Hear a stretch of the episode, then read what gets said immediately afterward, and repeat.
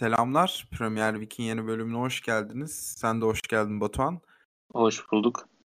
30 yıllık Premier Lig'in en spektaküler haftasını geride bıraktık herhalde. Muhteşem maçlar, inanılmaz goller, muhteşem taktik savaşları vesaire. Her zaman bulamazsın böyle bir haftayı. Ee, onların yanında evet, e, ligin dışını dışından da bir sürü olay olduğu için çok ekstra bir haftaydı. Yani şu an e, programa girmeden önce biraz sana da söyledim. Şu an her şey kafamda notlarımın arasında birbirine girmiş durumda. Hangi kim, hangi hafta kim kimle oynadı, hangi maç ertelendi. Hepsi şu an karma karışık bir durumda. Yani dün birkaç işte menajerin e, Graham Potter'dı galiba önceki gün. Hani ya erteleyeceklerse tamamen ertelesinler ya da işte hani bir şey çözüm bulsunlar gibi bir açıklaması vardı. Katılıyorum. Yani işte bir maçı erteleyelim, üç maçı oynatalım, birini erteleyelim. Böyle çok zor olacak bu yoğun fikstürde. Yani nasıl ilerleyecek benim de aklım almıyor açıkçası. Ya ben Tottenham'ın nasıl bir takım olduğunu unuttum. Bu hafta Premier Lig'de çok dar bir havuzdan seçeceğiz enleri. Bu konuda şanslı denebiliriz. Aynen bir yerden e, bir açıdan şan, şanslıyız. Hı hı. 3 maç ertelendi. Brentford United, Burnley Watford ve benim en meraklı beklediğim maç olan Leicester Tottenham maçı. O yüzden herhalde haftanın olayı ikimizinki de aynı. Açıkçası ben bu kadar ertelemeyi biraz konuşuruz diye düşünüyordum ama bunu olaya seçmeye gerek var mı bilmiyorum. Ya da hani ertelemelerin nasıl bir yansıması olacağını da belki so- programın sonunda konuşuruz hazır az maçımız varken ama haftanın olayı olarak ben maç özelinden gidersek Leeds maçını seçeceğim. Yani hiç böyle bir skor beklemiyordum açıkçası.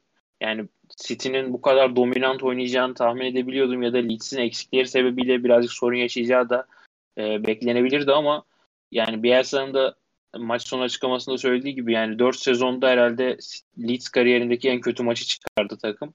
Yani kolay açıklanabilecek bir skor değil. Yani maç içinde de gördük zaten. City'nin inanılmaz bir dominasyonu vardı sahada.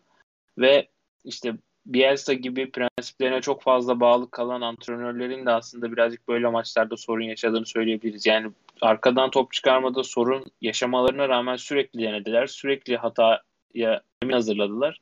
Birkaç pozisyon oldu. Ondan sonra goller gelmeye başladı zaten. O yüzden ben City Leeds maçını ve e, yarattığı e, etkiyi seçiyorum bu hafta. Ben burada bir maçtan ziyade Omikron üzerinden gideriz diye Omikron seçmiştim ama Leeds United Hı. hakkında da ya ben zaten City'nin maç başlangıcını gördüğüm zaman bu maçın böyle bir senaryoya sahiplik edeceğini az çok tahmin etmiştim. Çünkü ya Leeds United zaten şu anda birçok kilit oyuncusundan eksik bir şekilde mücadele ediyor ve acayip de fikstürden geçiyorlar. Çok yoğun bir Chelsea maçı oynadıktan sonra City deplasmanını kaldırabilecek hüviyette değillerdi. O yüzden çok acı veren bir mağlubiyet oldu açıkçası ki Leeds tarihinin de en ağır mağlubiyetlerinden biri oldu. Dördüncü yanılmıyorsam. Hı hı. Kötü. Yani bundan önce de iki tane 7-0 varmış. Bir tane de 8-1 var ama çok eski tarihli. Yani 60-70, biri 1939 falan. Yani o şekilde bir skor şey e, farklı skor mağlubi, mağlubiyetleri var. Ama yani bu maç özelinde hani evet Leeds açısından çok kötü bir maç geride kaldı ama Grealish için de oldukça toparlan anlamında iyi bir maç geride kaldığını söyleyebiliriz. City'de birçok isim yıldızlaştı zaten rakibin gardı düşünce. Hatta Rodri falan da bence inanılmazdı. En iyi City maçlarından birini oynadı. Çok fazla skora katkı yapmasa da ama mesela Leeds'e baktığımızda da kendi vasatında oynayan kimse yoktu. Hani çıkan kadroda da bayağı düşüşler yaşandı. Ki o senin bahsettiğin geriden topla çıkma prensibine dayalı bir futbolda. O yüzden açıkçası benim çok da fazla City'yi öveceğim bir maç değildi. Daha çok Leeds tarafından kaynaklandığını düşünüyorum skorun. Hı hı. Yani katılıyorum ona çok zayıf bir City vardı. Ve hani bunun zaten Bielsa'da maç sonunda City zaten hep böyle oynuyor ama biz çok kötüydük dedi. Yani katılıyorum ama bu kadar eksiğin olduğu bir senaryoda da aslında bir yerde kabul edilebilecek bir şey belki bu farklı mağlubiyet ama ortaya konan oyun insanları bu kadar ağır eleştiri yapmasına neden oldu diye düşünüyorum. Biz şeyi de konuşabiliriz yani o senin seçtiğin omikronu uzun biraz daha bahsedebiliriz ondan da. Hı hı. Eklemek istediklerim varsa ekle. Zaten Omikron'un nasıl bir efekti yarattığı ertelenen maçlardan belli oluyor ki sadece bu hafta 3 maç ertelendi. Hafta sonu oynanacak maçlardan şu anda tam 5 tanesi hali hazırda ertelenmiş durumda ki vakaların artışına göre komple bir hafta da ertelenebilir. Aslında şu anda lig tekrar o 2020'nin başlarındaki haline dönmüş durumda. Bu omikronun biraz daha efekti daha hafif atlatılabiliyormuş diye okudum. Ama ne olursa olsun bir salgından söz edebiliriz herhalde. Yani kesinlikle hiçbir şey bitmiş değil hala. Yani bu e, aşı işte bulunduktan sonra ve artık yaygın olarak yani yapılmaya başladıktan sonra İngiltere en, en erken seyircili maça dönen ülkelerden biriydi. İngiltere'de de bu kadar genel anlamda sadece futbolda değil tüm ülkede arttı ve vakalar sebebiyle işte parlamentoda da sürekli farklı e, önlemlerin alınması tartışılıyor ama orada da tam bir aslında karmaşa var. E, yani ne olacağını İngiltere ile alakalı kısa vadede aslında bence çoğu kişi bilmiyor ve hani Premier Lig'in bu kadar iyi yönetilirken bir anda süre, sürekli böyle işte tamam bir maç erteleyelim bir maç oynatalım e, yapması da aslında birazcık o güçlü yapının sanki e, ilk defa hata yaptığını bize gösterdi. Bundan sonra ne olacak bilmiyorum. Dediğin, senin de söylediğin gibi hafta sonu 5 maç var. Bundan sonra yoğun bir takvim devam edecek önümüzdeki süreçte de en azından ilk 1-2 haftada belki Ocak sonuna kadar da diyebiliriz. Bu oynatılmayan maçlar nereye yerleştirilecek? Aralarında Avrupa'da maç yapacak takımlar da var. Nasıl bir takvim oluşacak? O da benim için birazcık endişe verici, endişe uyandırıyor açıkçası. Ya burada ligi durdurmak çok büyük bir karar ve bunun zararı ekonomik olarak zararı çok büyük boyutlara ulaşabiliyor ama yakın vadede en azından tribünleri boşaltmak daha gidilebilir bir tercih gibi geliyor. Bu hafta herhangi bir yasak yokken ben oynanan maçlardaki seyirci sayısını da çok tuhaf karşıladım. Yani gayet full kapasite oynandı yine mesela Liverpool maçı. Yani aslında senin de söylediğin gibi çoğu maç o şekilde oynandı ama yani insanların da açıkçası zaten yeni bir şey yayınlandıktan sonra bu ön, önlem diyebiliriz herhalde. Yani işte aşı aşıyla birlikte negatif test de isteniyor artık. Hani bunun da verdiği güvenceyle diye düşünüyorum. Ee, bir de zaten hani herhangi bir yasak yokken insanları gitmeyin demek de ne kadar caydırıcı olabilir. Onu da çok bilmiyorum açıkçası. İstersen haftanın maçına geçelim. Biraz daha içine dönelim. Zaten bahsettiğim gibi çok dar bir havuzdan seçim yapıyoruz itibariyle. O yüzden ben rekabetçi geçen birkaç maçtan biri olan Crystal Palace Southampton maçını ön plana çıkarttım. Ben bu iki takımın oynadığı maçların derbi olduğunu bilmiyordum. Ben Ve, de şu an senden öğrendim. Evet ben de işte Chelsea yazısı yazarken geziyordum. Orada Brohan'ın attığı golü haber yapmışlar ve Cobham derbisi gibi bir adı varmış bu bu maçın. Ve haftanın dediğim gibi güzel maçlarından biriydi. İzlemesi epey keyifliydi. E, şöyle bir soru sorarak devam edeyim. Herhangi bir yani neden derbi olduğunu dair bir okudun mu? Hani atıyorum tarihsel bir süreç mi yoksa? Aslında o paragrafa çok odaklanmadım ama herhalde bulundukları yerde olan bir nedir nehir mi veya bir hmm. eserden kaynaklı evet, Anladım. Anladım. Belki bunun altından da farklı bir içerik çıkabilir. Bakalım onu off the record şekilde konuşuruz. Maçı izledin mi? Öncelikle evet evet ha.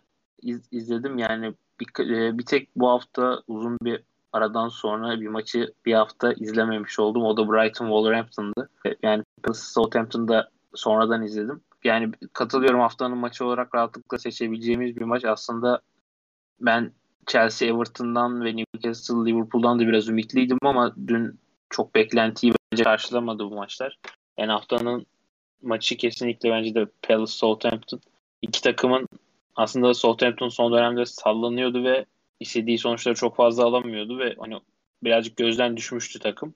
Palace da tam tersi inanılmaz bir ivmeyle geliyordu. Yani iki takımın da bu kadar keyif veren bir oyun oynayacağı ve hani skora da katkı yapabilecekleri aslında ihtimaller arasındaydı ama bu kadar yoğun bir süreçten geçerken de takımların o, e, bu süreçten etkilenmemesini e, göz ardı edemeyiz. Buna rağmen iki takımın da performansı hem oyun hem de skor anlamında fazlasıyla yeterliydi. Maçta Shane Long dakika aldı. Bu da haftanın önemli gelişmelerinden biri. En son ne zaman gördüğümü hatırlamıyorum. Galiba bir Wolverhampton maçında gerideyken oyunu almıştı Little. Boxing Day nimetleri. Kesinlikle öyle. Yani bir an sahaya güvenlik girip çıkartacak zannettim Shane Long'u. Neyse ki öyle rezillikler yaşanmadı. Senin haftanın maçı olarak ön plan çıkarttığı mücadele hangisi? Ya ben de Palace Southampton'ı seçtim. Hani ekstra bir şey söylemeyeceğim bununla alakalı. Yani sadece Palace'ın her geçen hafta daha iyi gitmesi ve bu kadar keyif veren bir takıma dönüşmesi ve hani bu kadar e, işte Gallagher, Edward, Tyreek Mitchell çok fazla sayıda oyuncu sadece Palace maçını izlemeniz, izlemeniz için bile yeterli olabilecek seviyede şu anda. Yani bunlar bile Palace'ı ayrıca takip etmek için yeterli. Yıllar sonra tekrar böyle bir nüveye kavuşmaları da heyecan verici. O yüzden yani Palace'da bence sezonun en iyi hikayelerinden biri olmaya doğru şu geride kalan 17 haftada kesinlikle ilerliyor. Hı hı. Aslında hafta içi fikstürüne girmeden önce Arsenal West Ham United maçını çok bekliyorduk. Biz hatta haftanın maçı olarak ön plana çıkartmıştık Broly'de de. Ama orada da sanırım Newcastle'dan kaynaklanan kötü futbol birazcık o maçın gazını kaçırdı gibi hissediyorum. Yani Newcastle'ın Newcastle mı dedim West Ham pardon. Orada kesildi ama. Ha, West Ham West Ham pardon. Hata yaptım özür diliyorum. Yani West Ham'ın açıkçası ben bu maçta bir tepki verebileceğini ya da bir reaksiyon verebileceğini düşünüyordum. Ama ilk 15-20 dakika açıkçası hem bunu Arsenal'in izin vermeyeceğini hem de West Ham'ın farklı bir oyun tercih ettiğini gösterdi. Yani West Ham'ın tamamen savunma odaklı ve işte bulabildiği boşlukları e, hücumda değerlendirebileceği bir maça doğru ilerledi. Yani West Ham'ın buradaki aslında sev, e, seyir zevkinin düşmesinin sebebi Arsenal'den ziyade bence West Ham gibi geldi bana. O zaman geçelim haftanın sürprizine. Yani benim açımdan aslında çok büyük bir sürpriz diyebileceğim bir maç olmadı. Sadece belki Chelsea Everton'ı ekleyebiliriz ama orada da Chelsea'deki kayıplar sebebiyle oyunun kalitesinin ve standartının çok düşmesi bu sonucu doğurdu. Ee, yani sürpriz açısından de ilk başta program başında söylediğim gibi ben City Leeds'i seçeceğim. Yani böyle bir skoru hiç beklemiyordum. Farklı bir galibiyet bek- olabilir diye düşünüyordum City'den ama bu kadar e, ezici bir oyun ve 7-0'lık bir skor açıkçası aklımın ucundan geçmiyordu. O yüzden ben City Leeds maçını seçiyorum. Ben de aslında Norwich'in kendisi aslında Aston Villa'ya bu kadar domine edilmesini beklemiyordum. Hı İki takım arasında bu kadar fark olduğunu gerçekten karşılaşıncaya kadar ve hiç fark etmemişim. O yüzden kendime biraz kızdım ama herhalde ben Norwich'ten biraz beklentileri yüksek tutuyorum. Ve Dean kovmakta haklılarmış demek. Şu anda öyle gözüküyor ve tabii ki bu maçta da çok ciddi eksiklikler vardı iki takımda da. Hatta Norwich'in eksiklerine baktığımız zaman yani neredeyse takımın %60'ı %70'i bulunmadı bu hafta kadroda. Tabii ki en önemli e, oyunculardan biri Todd Cantwell de çıkarken birazcık haşere bir tepki verdi. Direkt soyunma odasına gitti takımın performansından memnun olmadığı için. O yüzden Aston Villa için aslında kağıt üzerinde zor geçen hatta beraberliğe yakın bir maç. Norwich'in bu etkisiz performans sebebiyle çok daha kolay geçti. Onlarda da bireysel artan performanslar var. Mesela Jacob Ramsey'nin golü bence kendi kariyeri adına asla unutamayacağı bir gol. Tabii ki orada çok ciddi savunma hatası var ki bence kaynağı Max Aarons oradaki hatanın. Norwich'in hani sezon sonu ligde kalması için bu tip maçlarda en azından kaybetmemesi gerektiğini düşünüyorum ben. Yani kesinlikle en azından ligde tutunmaları için üst sıradan tabii ki puan koparmaları gerekiyor ama bunu e, üst sıradan puan alamıyorlarsa da e, alt en azından 10. sıra ve aşağısının da or, o, oradaki takımlara karşı bir şey göstermeleri ve 3 puan ya da en azından 1 puan toplayabilmesi gerekiyor şu anda Norwich. Hı hı. Ki Norwich bu hafta Ozan Kabak'ı da sakatlığa verdi. o da bir başka eksik olarak çıkacak. Dean Smith'in bu orta sahadan adam eksiltip forvete iyi daha atma alışkanlığından bir an önce kurtulması gerektiğini düşünüyorum son olarak da. Yani çok gelenekçi davranmaya devam ediyorsun. O Aston Villa'daki yanlış hatırlamıyorsam o son kaybedilen arka arkaya 5 maçta da çok benzer değişiklikler ve hamleler yapıyordu. Yani takımı kurtarmak için de kısa vadede böyle bir şey deniyor olabilir ama elindeki mevcut kadroyu da düşündüğümüz aslında çok da opsiyonunu olmadığını görüyoruz ve bundan kaynaklı da hani benzer değişiklikleri ya da hamleleri de bir yerde olumlu karşılayabiliriz. Ben Ozan'la ilgili bir şey ekleyeyim sadece. Yani Liverpool'a geldi büyük bir şans ama olmadı. Kalıcı olarak kalmadı takımda. Norwich'e geldi. Tam ritim tutturamadı. Yani tam Premier League'de kalmasını istediğim oyunculardan biriydi Ozan ama en azından o kısa vadede bu çok sürekli olmayacak gibi geliyor artık. Geçelim haftanın takımına. Senin adayını alayım önce istersen. Yani haftanın takımı olarak yani City'yi seçebilirim burada. Biraz tekrara düşeceğim ama Arsenal de buraya aday olabilir.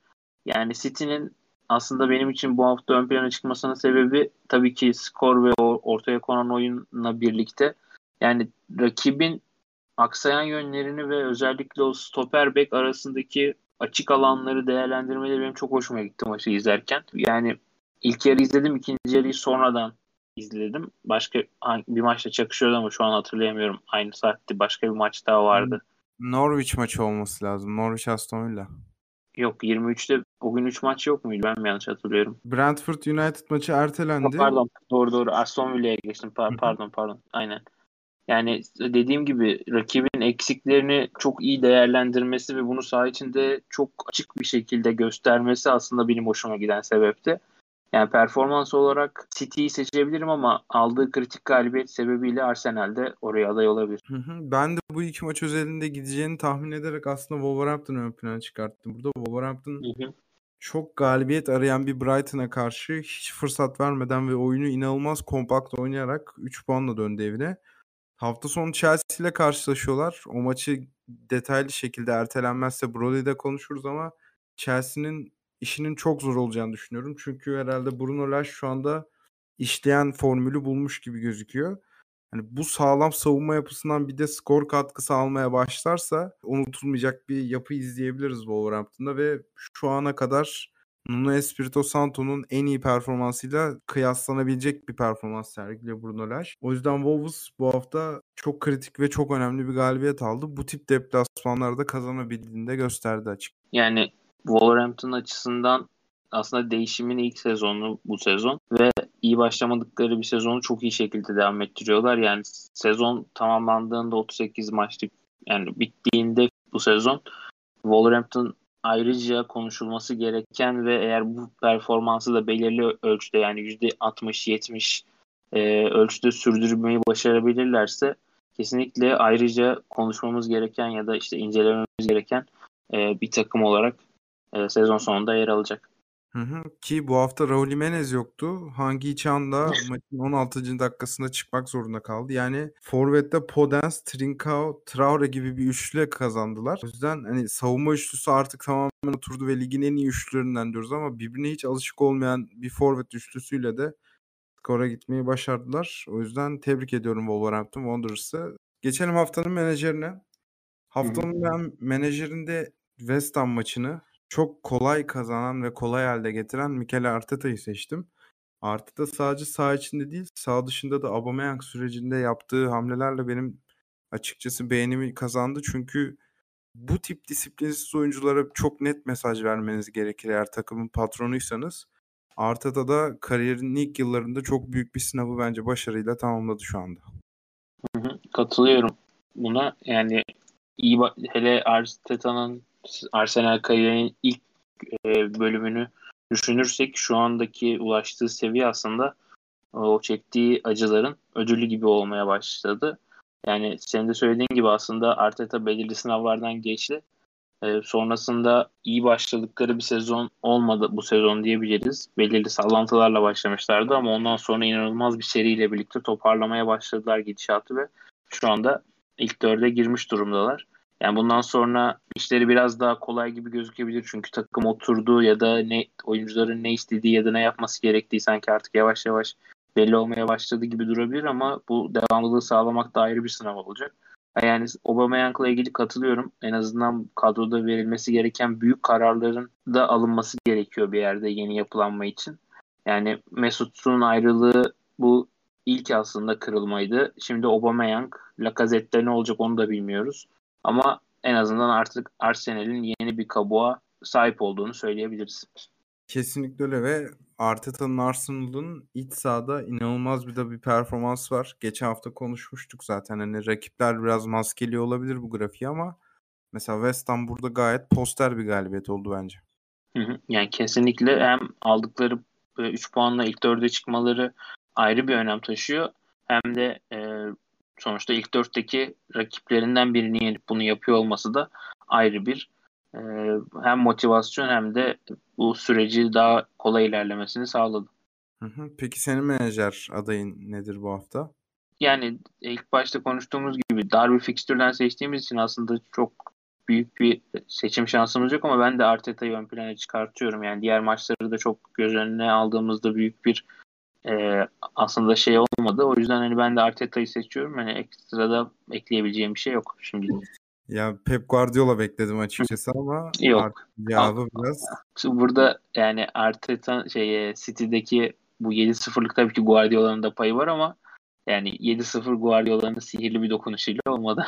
Ya bu hafta kazanan bütün menajerler bence haftanın menajeri oldu zaten. Çünkü haftanın takımında da Wolverhampton konuşurken bir noktada Bruno Lage övmeye başladığımı fark ettim. Ve onu seçmedim ama o da tabii ki hocanın payesine yazılacak bir galibiyet oldu. Haftanın futbolcusunda benim iki adayım var. Hı hı. Kevin De Bruyne'ü seçtim ben. Öncelikle onu söylemem lazım. Plase olarak da o Aston Villa'nın bahsettiğim maçı kolay hale getiren birinci faktör herhalde Oli Watkins'in tamamen ağırlık kurmasıydı Norwich savunmasına karşı ve Watkins bu hafta fantezide de inanılmaz puan toplayarak fark yarattı. O yüzden ben Watkins'i cebimde tutarak Kevin De Bruyne diyeceğim. Gerçekten o sakatlanmadan önceki seviyesine çok yakın bir maç oynadı ama rakip de tabii ki çok sert değildi ona karşı. Onu da eklemem lazım diye düşünüyorum.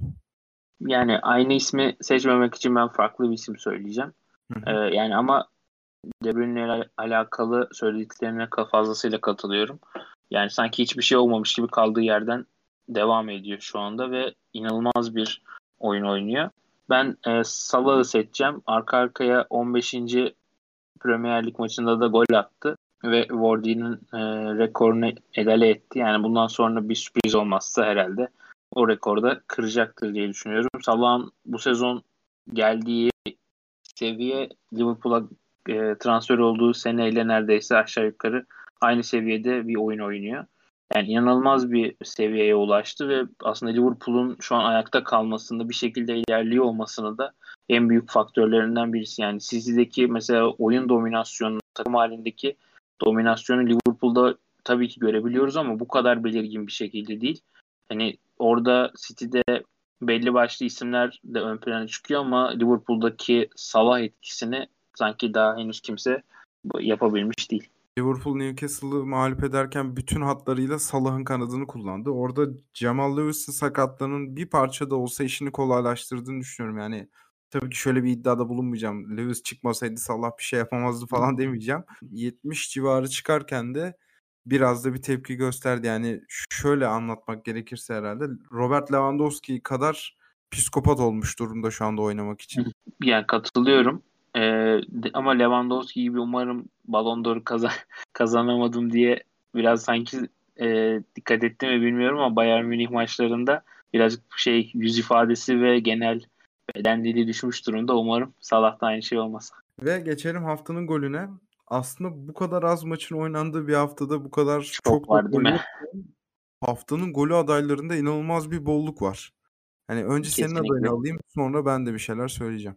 Yani dün Liverpool maçına kadar aslında De Bruyne ya da Ward-Prowse'un golü aday olup e, buraya aday seçebilirim diye düşünüyordum. Onun haricinde e, şeyin Emil Smith Rowe'un attığı gol de belirli açılardan bence estetik bir gol.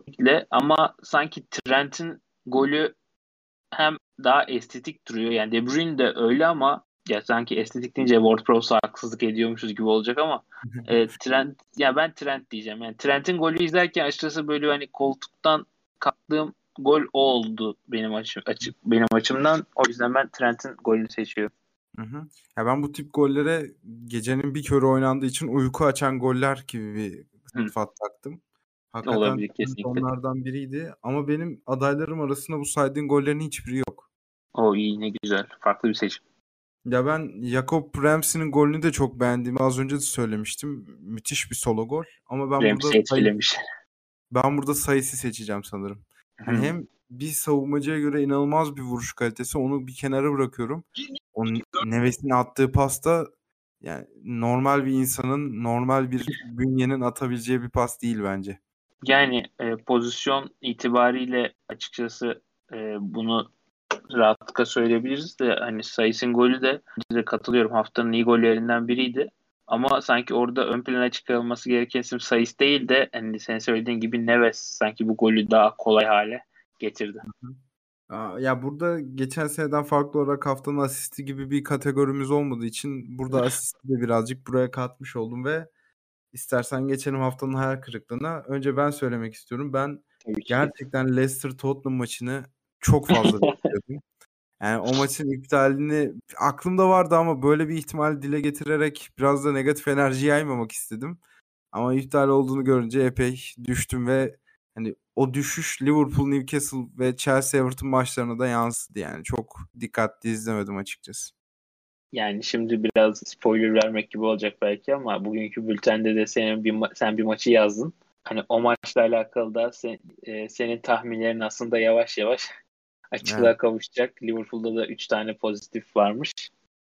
Yavaş yavaş o maçta iptale gidiyor. Senin için aslında komple bir hayal kırıklığı olacak bu hafta. Ya ligin şu anda ta- tadı kaçtı benim için. Hani program yaptığımız için tabii ki izliyoruz. Bazı maçlara heyecanlanıyoruz ama bu dış faktörler beni birazcık uzaklaştırdı açıkçası. Ya da tamamen hafta içi fikstürü olduğu içindir. Hani hafta sonu tekrar hype'a gelebilirim. O yüzden ama şöyle bir baktığım zaman da fikstüre zaten 4 maç kafadan ertelendi. E, Tottenham Liverpool maçının hakkında daha bir karar çıkmadı ama büyük ihtimal o da ertelenecek. Yani Van Dijk'la Fabinho bir de Curtis Jones şu anda pozitif. Kesinlikle öyle ki o vakaların da artması bekleniyor şu an. Veya Covid-19'a göre diyelim daha yayılıcı, yayılma gücü fazla olan bir varyant bu. O yüzden çok başka sonuçlar doğurabilir bizler için. Yani bakalım hafta sonu 5 maç zaten 5 maç oynanacak. Umarım 4'e inmez ama insan sağlığı her şeyden önemli. Yani ertelenecekse de lig en azından bir süre ara verecekse de buna yapacak bir şey yok. Ee, en azından tüm oyuncuların sağlıklı bir şekilde e, döndüğü bir süre süreci ya da haftaya haftalara bir an önce kavuşuruz. Hı hı. Peki senin adayın ne haftanın ayak yani, yani burada aslında hem Chelsea diyebilirim belirli açılardan. Ee, yani hem oyun kalitesinin çok düşmesi hem de e, yani buna oyun kalitesinin düşmesi olarak tabii ki eldeki oyuncuların varlığından kaynaklanan bir eksiklik diyebiliriz ama sanki burada bir, ön plan, bir adım ön plana çıkması gereken takım Brighton gibi geliyor. Yani o Graham Potter'ın seyircilerle yaşadığı olaydan sonra bir düşüş başladı Brighton'da ve artık şu izlenimi vermeye başladılar gibi geliyor. Yani toparlanmak için çok toparlanmak kolay olmayacak ve bu adımı da sanki çok kısa vadede atamayacaklar gibi bir hava oluştu bence. Yani o tartışma etkiledi. Sonrasında hiçbir galibiyet yok. Zaten ondan biraz daha geriye sararsak e, ener e, ilk galibiyetleri ne zaman? Şu an mesela 19 Eylül'de almışlar Leicester'a karşı. Ondan sonra ligde e, galibiyetleri yok. Yani çok iyi bir e, hikayeydi Brighton ve Graham Potter ama sanki o hikayenin de yavaş yavaş sonuna geliyoruz gibi hissediyorum. Kesinlikle ya ben Chelsea maçına bir şey eklemek istiyorum. Chelsea dün şu oyunculardan oluşan Everton kadrosunu yenemedi. Şimdi isimlerini tek sayıyorum. Bunların kim olduklarını bilenlere benden bir adet Premier Kes doları. Şey, token. Andy, Andy Lonergan, Tyler Aniago, Lewis Dobbin, Ellis Sims. Yani bu oyuncuların birçoğu dakika aldı ama hepsinin ilk dakikalarıydı Premier Lig'de. Hatta Sims Richarlison ve Rondon'dan gelen gelişmeler doğrultusunda ilk 11'de de başladı maça. Buradan yani. bu kadrodan anladığımız kadarıyla yani bu kadar eksik isimle geldiklerine göre yani herhalde şurada Cenk'i ilk 11'e almaması da herhalde Cenk'in de bir durumunun olduğunu düşünüyorum. Sakatlık ya da bir hani onda da belki testi pozitif çıkmıştır ya da izole bir şekildedir diye düşünüyorum açıkçası. Çünkü şu kadroda da zaten hani senin söylediğin gibi kadronun yedeklerin en azından büyük bir bölümünü tanımıyoruz. Aynen öyle. Ki burada dikkat edersen Jared Brightwaite'i saymadım. Çünkü o bu isimlerine nazaran biraz daha gelecekte bir şeyler beklenen potansiyeli olan da bir isim. Ki golü de attı. Ve Chelsea adına herhalde en büyük şanssızlık Pickford bu senenin en iyi maçlarından birini oynamış olabilir. Pickford'un böyle belirli dönemlerde sezonun e, böyle ön plana çıktığı maçlar oluyor. O da bu hafta Chelsea'ye denk geldi. Hı hı. Ya bu hafta geçen hafta şeyde konuşmuştuk işte Nick Pop tekrar milli takıma aday mı Ramsdale çok kendini gösteriyor evet. falan diye. Bu biraz kamçılamış gibi gözüküyor Pickford'da. Ben yüzden... hala Ramsdale tarafındayım. ben de açıkçası. Yani hafta içi fikstürünü şöyle bir değerlendirdik. Hani programın ciddiyeti ve yoğunluğu da birazcık hafta içi fikstürünün ertelenmesiyle Eee, aslında dağılmış olabilir. Onun için biraz özür dileyelim izleyicilerimizden ama gerçekten bu hafta konuşacak pek de fazla bir şey yoktu. Biz de açıkçası çok fazla üstünde durmadan böyle bir program hazırladık size.